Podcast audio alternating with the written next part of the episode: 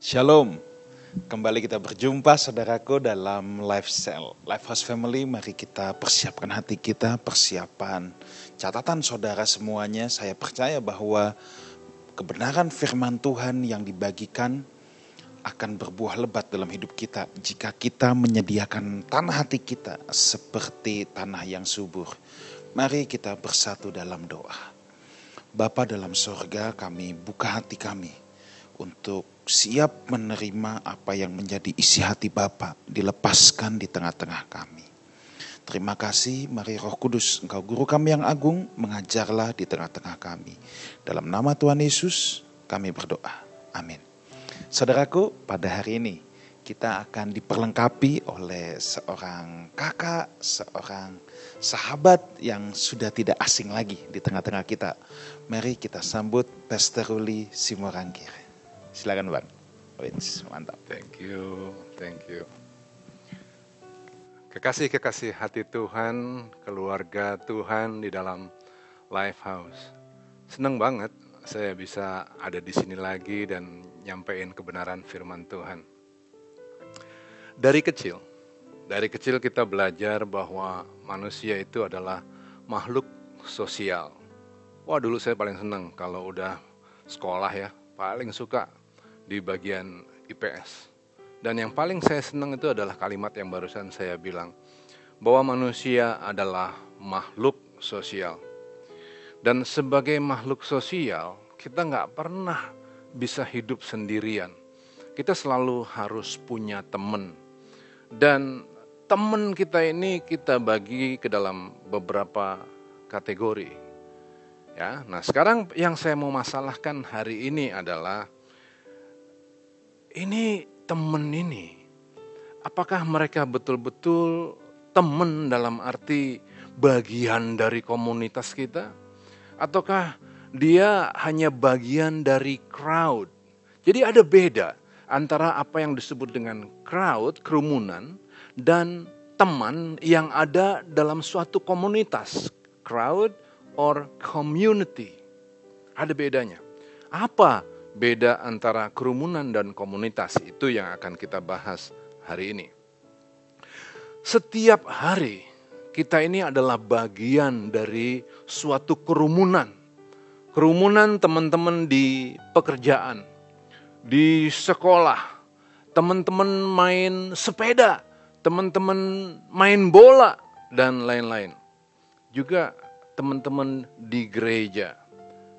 Tapi kerumunan, crowd, walaupun itu terjadinya di gereja, itu bukanlah suatu komunitas. Sangat gampang bagi kita untuk salah mengerti, untuk keliru di waktu kita membedakan keduanya, crowd or community. Kita pikir kita ada di dalam komunitas, tapi ternyata kita ada di dalam suatu crowd. Kita pikir kita punya komunitas, Padahal sebetulnya kita hanya bagian dari kerumunan. Ngerti ya? Kerumunan adalah pseudo community atau komunitas semu. Termasuk juga church crowd, teman-teman yang kita peroleh di gereja. Kerumunan gereja adalah komunitas semu. Kerumunan hanya berkumpul untuk melakukan suatu kegiatan bersama, nonton bersama, main sepeda bersama, gereja bersama, dan selanjutnya. Kerumunan berkumpul untuk suatu kepentingan tertentu, dan selama tujuan dari suatu perkumpulan hanya untuk suatu kepentingan, Ya, ingat ya, selama tujuan dari suatu perkumpulan itu hanya untuk suatu kepentingan, maka kerumunan cenderung mudah untuk dimanipulasi. Contohnya terjadi di dalam peristiwa yang kita baca di dalam Matius 21 ayat yang ke-9. Ditulis di situ begini. Dan orang banyak yang berjalan di depan Yesus dan yang mengikutinya dari belakang berseru katanya, Hosana, Hosana bagi anak Daud. Diberkatilah dia yang datang dalam nama Tuhan. Hosana di tempat yang maha tinggi. Jadi ketika Tuhan Yesus dengan menunggang keledai untuk terakhir kalinya masuk ke Yerusalem. Ketika itu orang-orang berteriak, Hosana, Hosana. Nah orang ini komunitas ataukah mereka sekedar crowd, kerumunan? Jadi ternyata mereka teriak Hosana. Disambut Tuhan Yesus, dielu-elukan Tuhan Yesus. Tapi ingat, ketika kerumunan berkumpul untuk suatu tujuan tertentu, akan sangat mudah untuk dimanipulasi. Rupanya, orang-orang ini berkumpul ketika Tuhan Yesus datang ke Yerusalem dengan menunggang keledai adalah untuk suatu kepentingan tertentu. Mereka merindukan supaya Tuhan Yesus menjadi raja atas mereka, membebaskan mereka dari penjajahan Roma. Itu kepentingan mereka. Dan ketika kepentingan itu terjadi, mereka berkumpul untuk suatu kepentingan tertentu, dengan sangat mudah mereka bisa dimanipulasi. Apa yang dilakukan oleh Mahkamah Agama? Simple. Mereka ambil Tuhan Yesus dari Taman Getsemani, segera sidang ketika orang lagi beristirahat karena mereka selesai menyiapkan acara Paskah, mereka lagi istirahat, diambil, disidang, dan kemudian pagi-pagi besoknya sudah dipertontonkan bahwa Yesus yang tadinya mereka anggap bisa menjadi raja atas mereka ternyata kalah. Begitu mereka lihat bahwa Tuhan Yesus ternyata tidak bisa diandalkan, tidak bisa memenuhi keinginan mereka. Kata Hosana berubah menjadi salibkan dia, salibkan dia. Lihat, suatu komunitas beda dengan suatu kumpulan, crowd. Crowd berkumpul untuk kepentingan mereka sendiri. Dan ketika mereka berkumpul untuk kepentingan mereka sendiri, mereka mudah dimanipulasi. Kekecewaan dari orang-orang itu kelihatan juga dalam percakapan antara dua orang murid dalam perjalanan perjalanan ke Emmaus. Dua orang murid itu berkata begini, "Apa yang terjadi dengan Yesus orang Nazaret? Dia adalah seorang nabi yang berkuasa dalam pekerjaan dan perkataan di hadapan Allah dan di depan seluruh bangsa kami. Tetapi imam-imam kepala dan pemimpin-pemimpin kali kami telah menyerahkan dia untuk dihukum mati dan mereka telah menyalibkannya. Perhatikan ayat 21. Ini saya ambil dari Lukas 24 ayat 19 sampai 21. Ayat 21-nya, perhatikan. Padahal kami dulu mengharapkan bahwa dialah yang datang untuk membebaskan bangsa Israel. Marah. Jadi kekecewaan itu kemudian nanti berubah menjadi kata salibkan dia. Hubungan pertemanan dalam suatu crowd atau kerumunan tidak akan pernah sampai pada level yang pribadi sifatnya. Pertanyaan standar dalam suatu kerumunan adalah apa kabar? Jawabannya juga akan selalu dijawab dengan jawaban yang standar. Baik. Kalau di gereja, shalom hambanya. Dijawab dengan shalom. Seberapapun sebetulnya kondisi kita lagi kurang baik. Kepala kita lagi mumet banyak urusan. Segimanapun kita lagi ngerasa gundah dan tidak ada shalom dalam hidup kita. Ngapain kita jujur? sama orang yang sekedar hidup di dalam kerumunan. Ngapain? Ya udah aja, pertanyaan standar kita jawab dengan jawaban yang standar. Dengan cara hidup yang seperti ini, sering kali orang justru merasa sepi dalam keramaian. Memang ada kerumunan, betul, tapi kerumunan yang hanya punya pertemanan yang standar, yang nggak tulus, apa yang terjadi? Orang merasa sepi. Gallup Polls di Amerika menulis bahwa orang Amerika hari ini adalah orang-orang yang paling kesepian. Tulisan dalam The New Yorker jelaskan bahwa setiap 40 detik seseorang di Amerika melakukan bunuh diri. Kurang lebih setengah juta orang dalam satu tahun dibawa ke rumah sakit karena percobaan untuk bunuh diri. Bahkan orang-orang yang kelihatannya sukses, selalu dikumpulin orang, di, dikerumunin orang banyak. Ternyata mereka juga orang-orang yang sangat kesepian dan akhirnya juga bahkan melakukan bunuh diri. Contohnya Anthony Bourdain, Kate Spade, Robin Williams, dan lain-lain. Yang lebih sedih lagi, itu karena hari-hari ini kita sangat terbiasa dengan pakai gadget. Kita ngerasa senang karena banyak like. Kita senang karena banyak like. Kita ngerasa we belong to somebody. We belong to people. No. Kebanyakan dari semua itu sebetulnya hanyalah crowd, kerumunan. Lalu ke mana orang-orang yang kesepian ini harus pergi? Kepada siapa mereka bisa merasakan kehangatan persahabatan? Jawabnya adalah komunitas. Orang modern hari ini justru sangat membutuhkan komunitas. Komunitas yang baik dan benar bisa membawa pertumbuhan iman dan merubah hidup seseorang.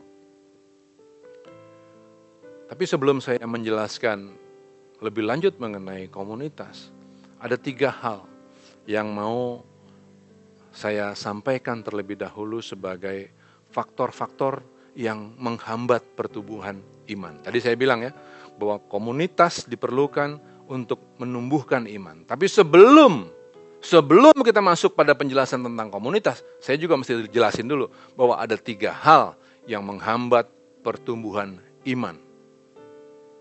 Pertama, konsumerisme. Di zaman sekarang yang makin materialistik ini, yang orang dikit-dikit ngomong, I want money, lots and lots of money. Ya. Orang tuh ngerasa bangga ketika mereka bisa keluarin duit beli barang. Mereka ngerasa happy. I have this. Aku punya semua ini. Itu ada orang di Instagram ya senengannya, dikit-dikit dia buka dompetnya, dia hitungin duit. Dia tunjukin belanjaannya, warna kotak-kotak warna kuning yang ada hurufnya H itu. Oh mereka dia bangga banget, oh, lihat barangnya, semuanya baru. Merek-merek yang orang nggak bisa dapat, tipe-tipe barang yang aneh-aneh ada di mejanya. Dan dia ngerasa happy. No, no, kebahagiaan yang datang dari pola belanja yang seperti itu sifatnya hanya sangat sementara. Begitu kita udah punya barangnya, kita kepengen nih punya handphone paling baru. Kita kepengen beli, pengen, pengen, pengen. Kita beli. Habis itu udah. Happy-nya cuma sebentar. Terus kita kepengen beli lagi yang lebih lagi, lebih lagi dan lebih lagi.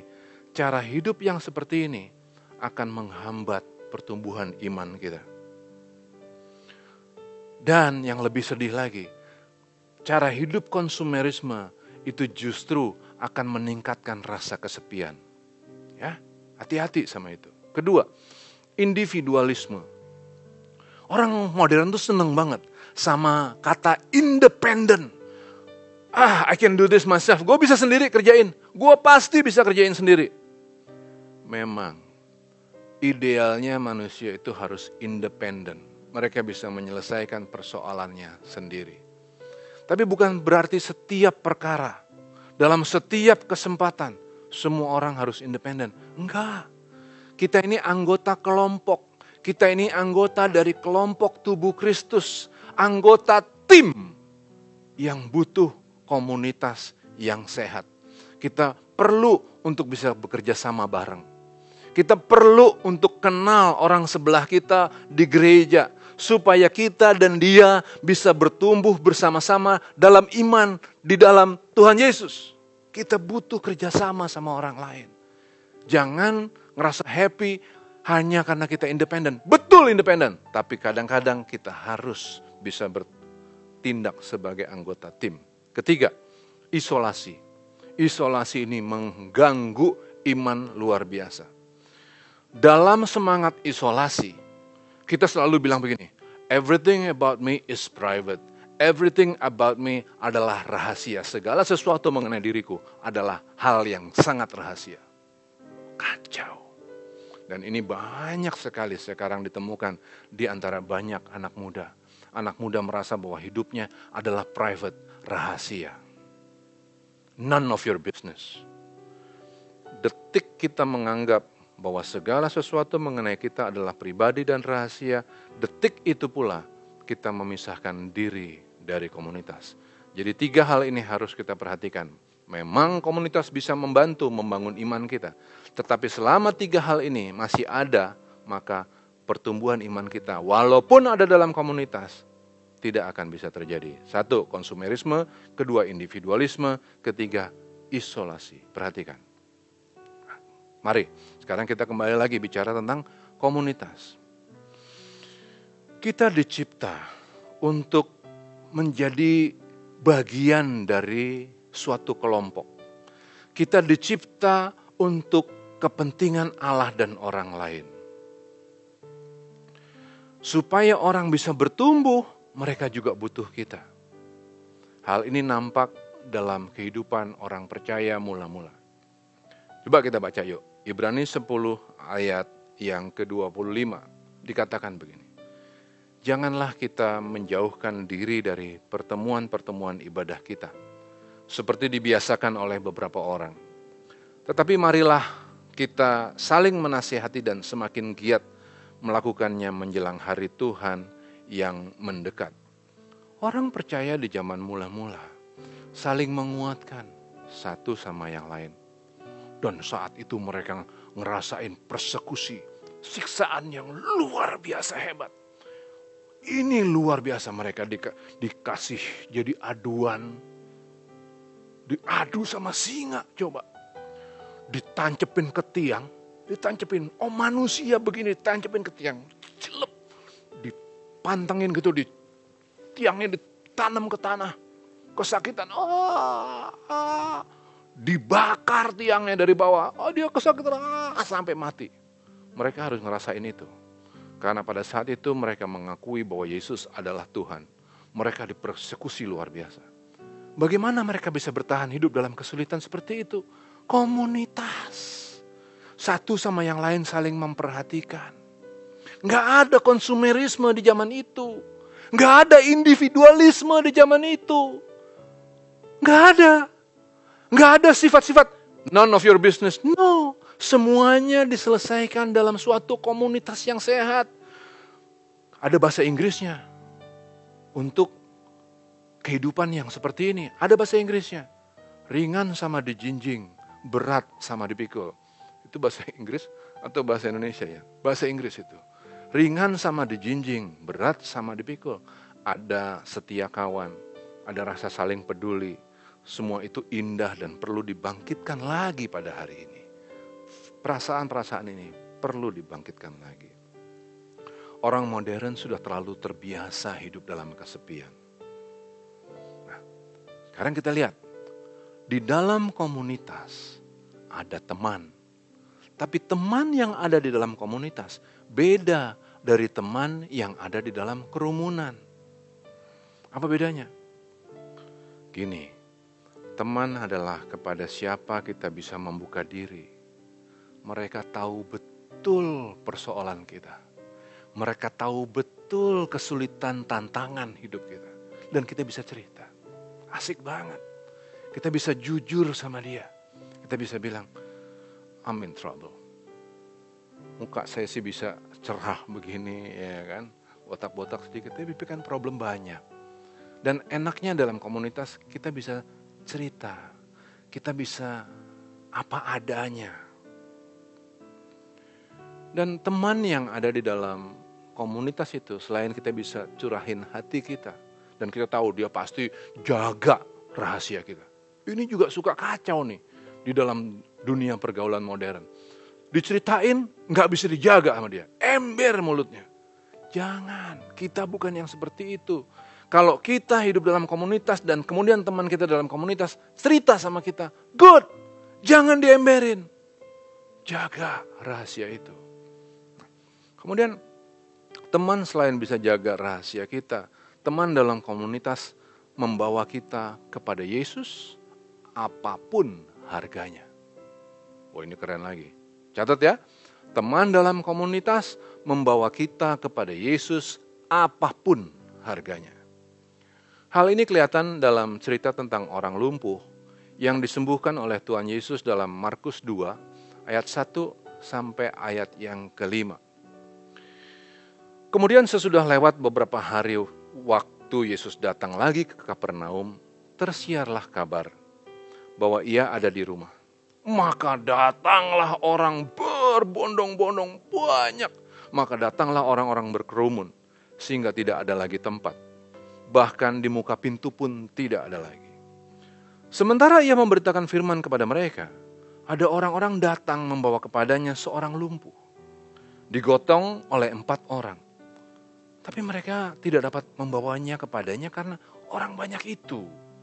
Lalu mereka membuka atap yang di atasnya. Sesudah terbuka mereka menurunkan tilam tempat orang lumpuh itu terbaring. Ketika Yesus melihat iman mereka, berkatalah ia kepada orang lumpuh itu, Hai anakku, dosamu sudah diampuni. Cerita ini cerita yang luar biasa. Tadi kita udah baca dan saudara-saudara, Bapak Ibu terkasih sudah mendengarkannya di rumah. Kita dengar bahwa ada cerita satu orang lumpuh yang diusahain betul sama teman-temannya. Ingat ya, teman dalam komunitas adalah mereka yang membawa kita kepada Tuhan Yesus apa pun harganya. Jadi, orang teman-temannya ini kepingin bawa si lumpuh untuk bertemu dengan Tuhan Yesus dan merasakan kesembuhan. Mereka usahain, digotong, bayangin, digotong ternyata nggak bisa masuk. Tempat di mana Tuhan Yesus berada penuh total, habis tempatnya. Dia nggak habis, nggak habis akal. Diusahain apa pun harganya. Mereka bawa naik ke loteng, dibuka atapnya, diturunin pelan-pelan. Turunin, turunin, turunin. Iya, iya, iya, iya. Pelan-pelan, pelan-pelan, pelan-pelan, pelan-pelan, pelan Turunin, turunin. Sampai akhirnya si lumpuh ini berhadapan muka dengan muka dengan Tuhan Yesus. Melihat iman dari teman-temannya. Ya, melihat iman teman-temannya. Kemudian Tuhan Yesus berkata, Hai anakku, dosamu sudah diampuni. Coba. Itulah pertemanan dalam komunitas. Membawa teman-teman kita ke hadapan Tuhan Yesus untuk mengalami pengampunan pertolongan dari Tuhan. Hebat ya. Setelah kita menikmati cerita tadi, saya mau ajukan beberapa pertanyaan. Pertanyaan pertama, berapa banyak orang yang betul-betul mengenal kita luar dan dalam? Seberapa banyak orang yang betul-betul tahu persoalan kita, penderitaan kita. Seberapa banyak orang yang mendukung kita di dalam doa mereka? Berapa banyak? Larry Crabb, seorang psikolog Kristen menulis begini. A central task of community is to create a place that is safe enough for the walls to be torn down safe enough for us, for each of us to reveal our brokenness. Fungsi utama dari suatu komunitas adalah untuk meruntuhkan tembok-tembok kesombongan, keangkuhan, keakuan, kesendirian, rubuh. Supaya kita bisa menumpahkan kepada teman-teman satu komunitas seberapa rapuhnya diri kita. Tapi hari ini apakah ada komunitas yang cukup terpercaya untuk bisa kita curahkan isi hati kita? Perhatikan di gereja Bapak Ibu, saudara-saudara sekalian.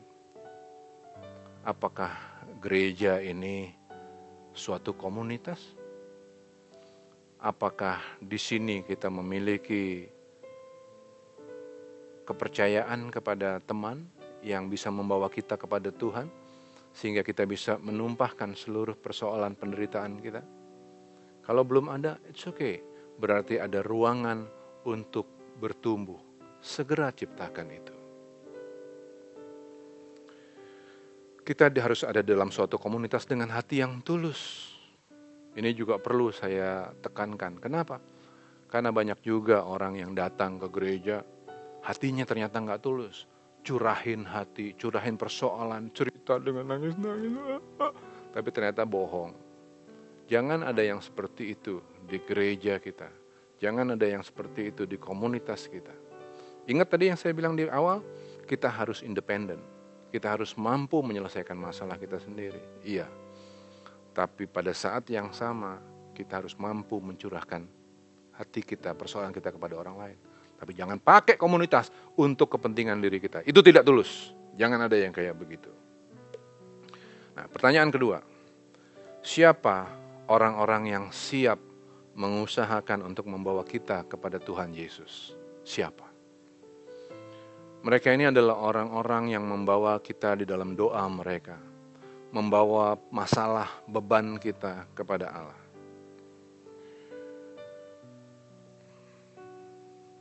Betul, bahwa Allah menginginkan kita menjadi orang-orang yang independen. Iya, menjadi orang-orang yang mengenal firman Tuhan luar biasa. Iya, tapi bahkan Tuhan Yesus sendiri pun membutuhkan teman. Perhatikan bahwa di Taman Getsemani, Tuhan Yesus membutuhkan teman. Tuhan Yesus berkata, hatiku sedih sekali. Kata Yesus kepada mereka, Rasanya seperti mau mati saja. Tinggallah di sini dan berjagalah. Markus 14, 34. Tuhan Yesus membutuhkan teman. Membutuhkan teman yang membawa perihal-perihal mengenai perjuangannya di dalam doa kepada Bapa. Tuhan Yesus mampu tanggung segala perkara. Nggak ada perkara yang dia nggak sanggup untuk menanggungnya. Bahkan dia mati di kayu salib. Sanggup. Apa pun sanggup ditanggungnya. Tapi kepada murid-muridnya, ia meminta untuk ditemani. Teman adalah orang-orang terhormat yang dipercaya untuk menjaga Tuhan Yesus. Nah, mari lihat sekeliling. Ayo, lihat sekeliling. Berapa banyak teman yang membawa perihal tentang masalah kita kepada Allah Bapa dengan tulus. Bentuk yang seperti itu. Dalam komunitas, sekarang saya pindah. Dalam komunitas tidak boleh ada ego. Suatu kali Tuhan, Rasul Paulus menulis begini, karena itu sempurnakanlah sukacitaku dengan ini. Hendaklah kamu sehati sepikir dalam satu kasih, satu jiwa, satu tujuan, dengan tidak mencari kepentingan sendiri atau puji-pujian yang sia-sia. Sebaliknya, hendaklah dengan rendah hati yang seorang menganggap yang lain lebih utama daripada dirinya sendiri. Dan janganlah tiap-tiap orang hanya memperhatikan kepentingannya sendiri, tetapi kepentingan orang lain juga yang selalu merusak hubungan adalah ketika timbul kepentingan diri sendiri. Karena itu kepada jemaat di Filipi kemudian Rasul Paulus mengajarkan supaya komunitas di Filipi tidak mementingkan diri sendiri. Komunitas itu tempat kita bisa belajar untuk jadi orang-orang yang selesai bagi kepentingan diri sendiri belajar untuk menjadi orang-orang yang membawa orang lain kepada Tuhan, bukan kepentingan kita.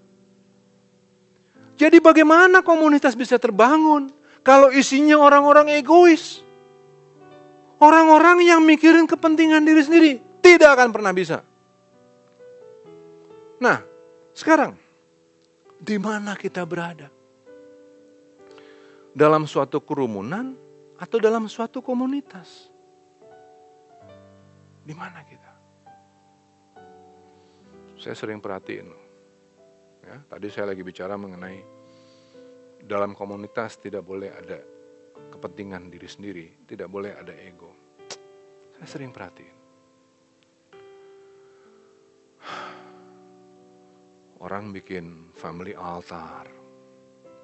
orang suka bikin kelompok-kelompok sel. Gitu kan? Kemudian datanglah rame-rame orang-orang berdoa, orang-orang belajar firman Tuhan dalam family altar itu atau dalam kelompok sel itu. Sama-sama menangis, sama-sama naikkan lagu pujian. Tapi kok ya sering kali yang terjadi di situ orang saling lihat kiri sama kanan. Nyari utangan.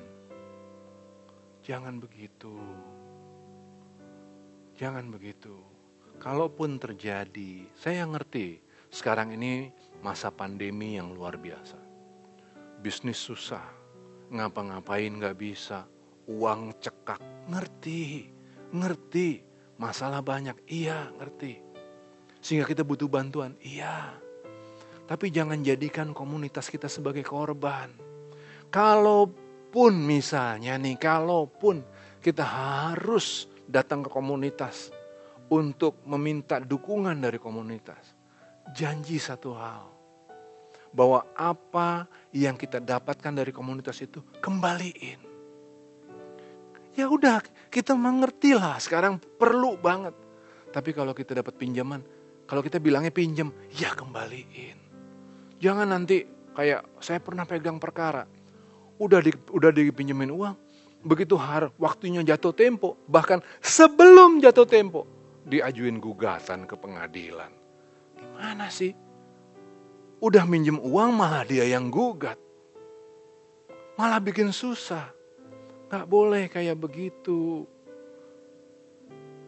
Nah jadi di mana kita berada? Dalam suatu kerumunan atau dalam suatu komunitas? Kalau kita ada di dalam kerumunan, keluar. Segera bangun komunitas. Tapi ketika kita sudah berada dalam komunitas, jangan dirusak komunitasnya komunitas itu susah sekali untuk dibentuk. Nah, pilihlah untuk selalu berada dalam komunitas orang percaya. Bertumbuh bersama, saling dukung, saling bangun. Bantu satu dengan yang lain sehingga melalui komunitas kita punya iman dan bertemu dengan Tuhan Yesus. Jadilah orang-orang yang bisa dipercaya, yang tidak mencari keuntungan diri sendiri, ketika kita berada dalam komunitas. Amin. Mari kita satu di dalam doa, kita akan menerima berkat dari Tuhan. Bapa dalam surga, terima kasih untuk kebenaran ini. Berikan kami kekuatan supaya kami bisa terus menerapkan firman-Mu yang kami terima hari ini di dalam hidup kami masing-masing. Terpujilah namamu Bapa, Allah yang kekal yang kami panggil di dalam nama Tuhan Yesus. Dan apabila kiranya engkau berkenan, palingkan wajahmu Bapa dan berikanlah berkatmu bagi kami. Segala berkat dari Allah Bapa, dari tempat yang maha tinggi, turun atas kita, mulai hari ini, bahkan sampai selama-lamanya. Amin.